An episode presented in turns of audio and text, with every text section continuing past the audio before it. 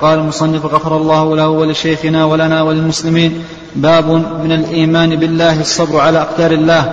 قوله تعالى ومن يؤمن بالله يهد قلبه قال علقمة هو الرجل تصيبه المصيبة فيعلم أنها من عند الله فيرضى ويسلم وفي صحيح مسلم عن أبي هريرة رضي الله عنه أن رسول الله صلى الله عليه وسلم قال اثنتان في الناس هما بهم كفر الطعن في النسب والنياحة على الميت ولهما عن ابن مسعود رضي الله عنه عنه مرفوعا ليس منا من ضرب الخدود وشق الجيوب ودعا بدعوى الجاهلية. وعن أنس أن رسول الله صلى الله عليه وسلم قال إذا أراد الله بعبده الخير عجل له العقوبة في الدنيا وإذا أراد الله بعبده الشر أمسك عنه بذنبه حتى يوافي به يوم القيامة. وقال النبي صلى الله عليه وسلم إن عظم الجزاء ما عظم البلاء. وإن الله تعالى إذا أحب قوما ابتلاهم فمن رضي, فمن رضي فله الرضا ومن سخط فله السخط حسنه الترمذي.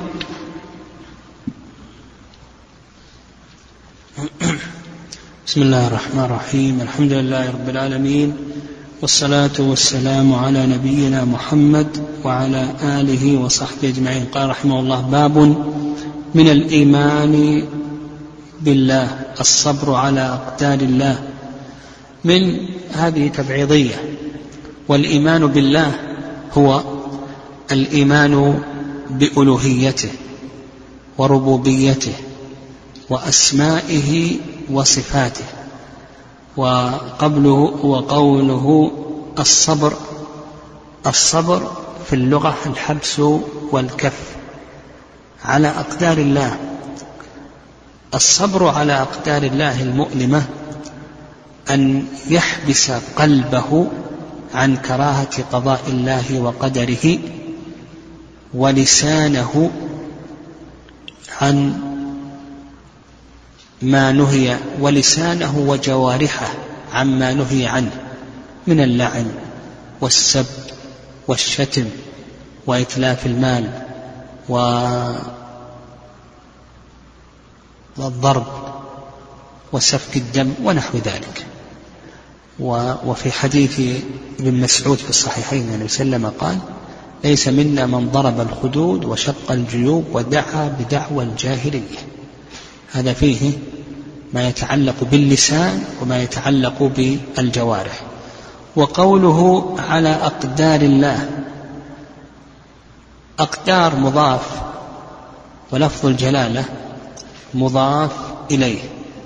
والأقدار جمع قدر والقدر يطلق على أمرين الأمر الأول باعتبار المفعول وهو المقدور. نعم. والأمر الثاني باعتبار الفعل وهو فعل الله عز وجل. فباعتبار المقدور هذا مثل المرض والموت والمصائب في البدن والأموال ونحو ذلك إلى آخره. الصبر على هذه الأشياء نعم آه الرضا الرضا الصبر واجب كما سيأتينا في المراتب. الرضا بهذه الأشياء مستحب يعني بالنظر إلى المقدور من مرض وموت ومصيبة في المال والأهل الرضا بهذا مستحب وليس واجبا وباعتبار فعل الله عز وجل الرضا بهذا واجب. نعم الرضا بهذا واجب فيجب أن يرضى ويسلم. قال مناسبة هذا الباب لكتاب التوحيد. مناسبة هذا الباب لكتاب التوحيد. أن الصبر على أقدار الله المؤلمة من تمام توحيد الربوبية. وعدم النقص نقص وعدم الصبر نقص في توحيد الربوبية. فالصبر هذا من تمام توحيد الربوبية. وعدم الصبر نقص في توحيد الربوبية. نعم فناسب أن يذكره المؤلف في كتابه. قال وقوله تعالى ومن يؤمن بالله يهدي قلبه. نعم وفي قراءة يهدأ قلبه يهدأ قلبه. ومن يؤمن بالله يهدي قلبه. يؤمن بالله بمعنى أن يعتقد. قال علقمة هو الرجل تصيبه المصيبة فيعلم أنها من عند الله فيرضى ويسلم. يعني يعتقد أن المصيبة بقضاء الله وقدره فيسترجع فيسترجع يهدي قلبه. نعم. وقول يهدي قلبه للصبر عليها. نعم. فسرها علقمة رحمه الله علقمة بن قيس بن عبد الله بن علقمة من كبار التابعين. الشاهد من هذا نعم أن قوله ومن يؤمن بالله كما فسره علقمة هو الرجل تصيبه المصيبة فيعلم أنها من عند الله فيرضى ويسلم. هذا من تمام الإيمان بالله من تمام الإيمان بربوبية الله عز وجل. الشاهد من هذا أن الصبر على أقدار الله المؤلمة هو من من تمام الإيمان بالله عز وجل. وأن عدم الصبر على أقدار الله المؤلمة أنه نقص بالإيمان بالله عز وجل. فدل ذلك على وجوب الصبر. قال رحمه الله تعالى وفي صحيح مسلم عن أبي هريرة رضي الله عنه أن رسول الله صلى الله عليه وسلم قال إثنتان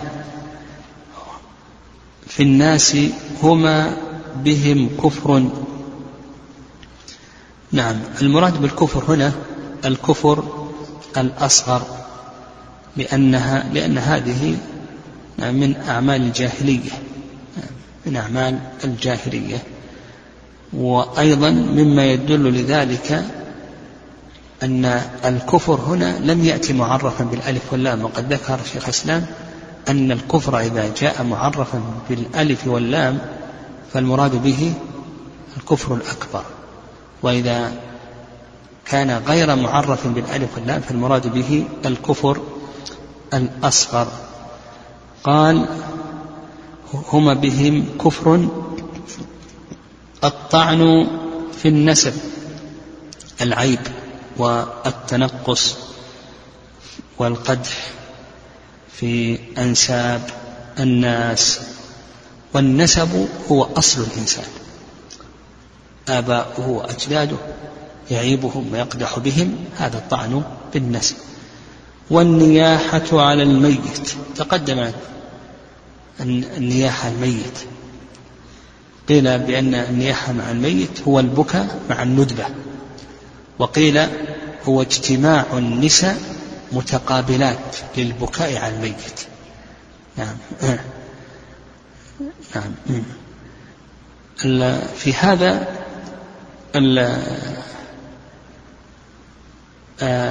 في هذا الحديث تحريم السخط ووجوب الصبر لأن النياحة على الميت هذا من أي شيء؟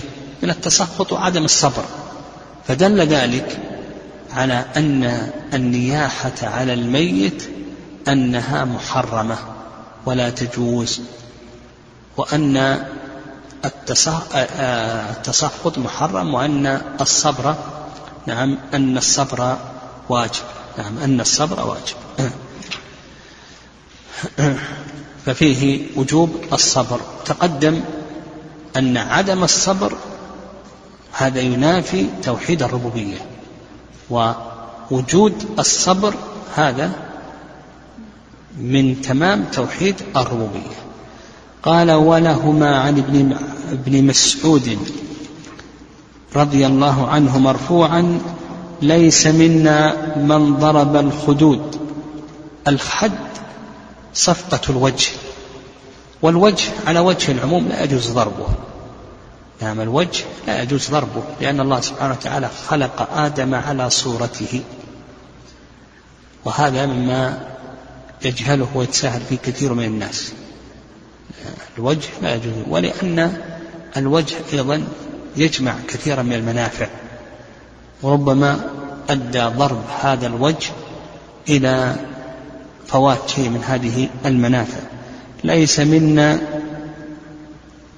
من ضرب الخدود وشق الجيوب شق الجيب والفتحة في الثوب يدخل منها الرأس شقها.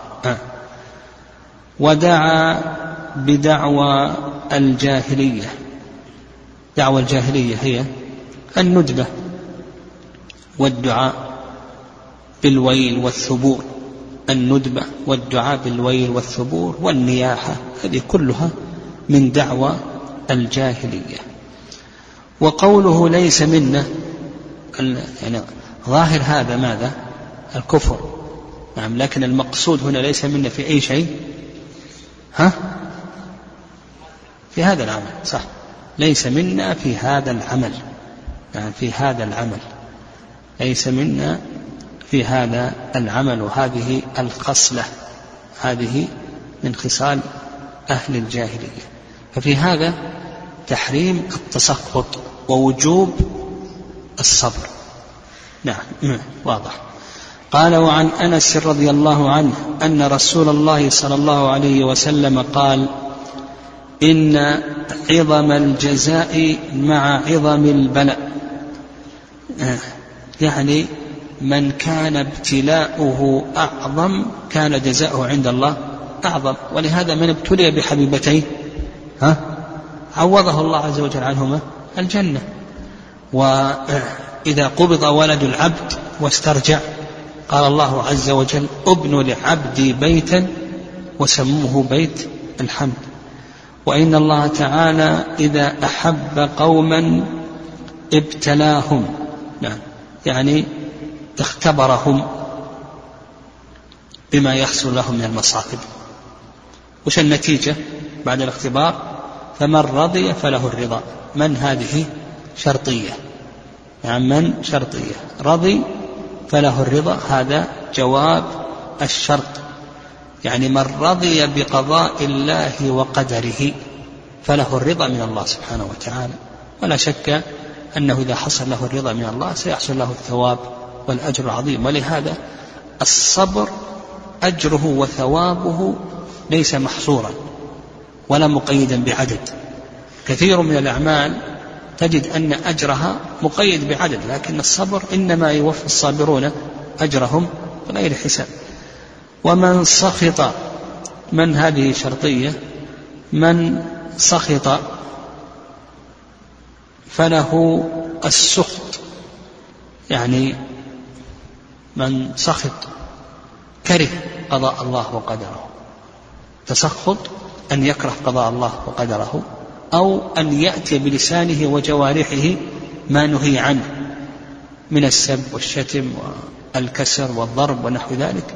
فله السخط من الله عز وجل فإن الله يسخط عليه ويغضب عليه. نعم. وهذا لا شك أنه وزر عظيم. هذا السخط أن يكون الله عز وجل يغضب عليه هذا وزر عظيم. الشاهد هنا أنه إذا سخط له السخط من الله. أنه إذا والسخط محرم السخط ضد الصبر. يعني إذا ترك الصبر فإن عليه هذا الإثم العظيم. يعني هذا الإثم العظيم مما يدل على وجوب الصبر. مما يدل على وجوب الصبر. وأنه إذا صبر له هذا الفضل العظيم. قال وقال صلى الله عليه وسلم إذا أراد الله بعبده الخير. إذا أراد الله بعبده الخير. نعم. عجل له العقوبة في الدنيا. الخير ينقسم إلى قسمين خير كلي وخير نسبي. نعم. خير كلي وخير نسبي.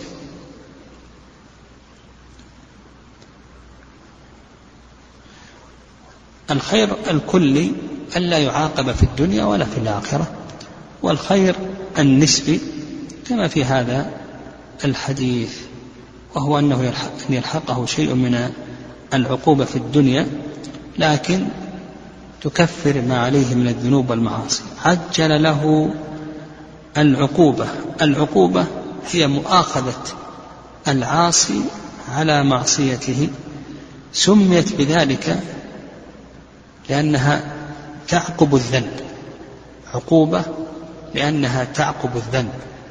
قال في الدنيا وإذا أراد بعبده الشر الله سبحانه وتعالى لا يريد الشر لذات الشر لكن يريد الشر لما يترتب عليه من المصالح. فالشر لله سبحانه وتعالى ليس مرادا لذاته وإنما هو مراد لغيره. نعم مراد لغيره.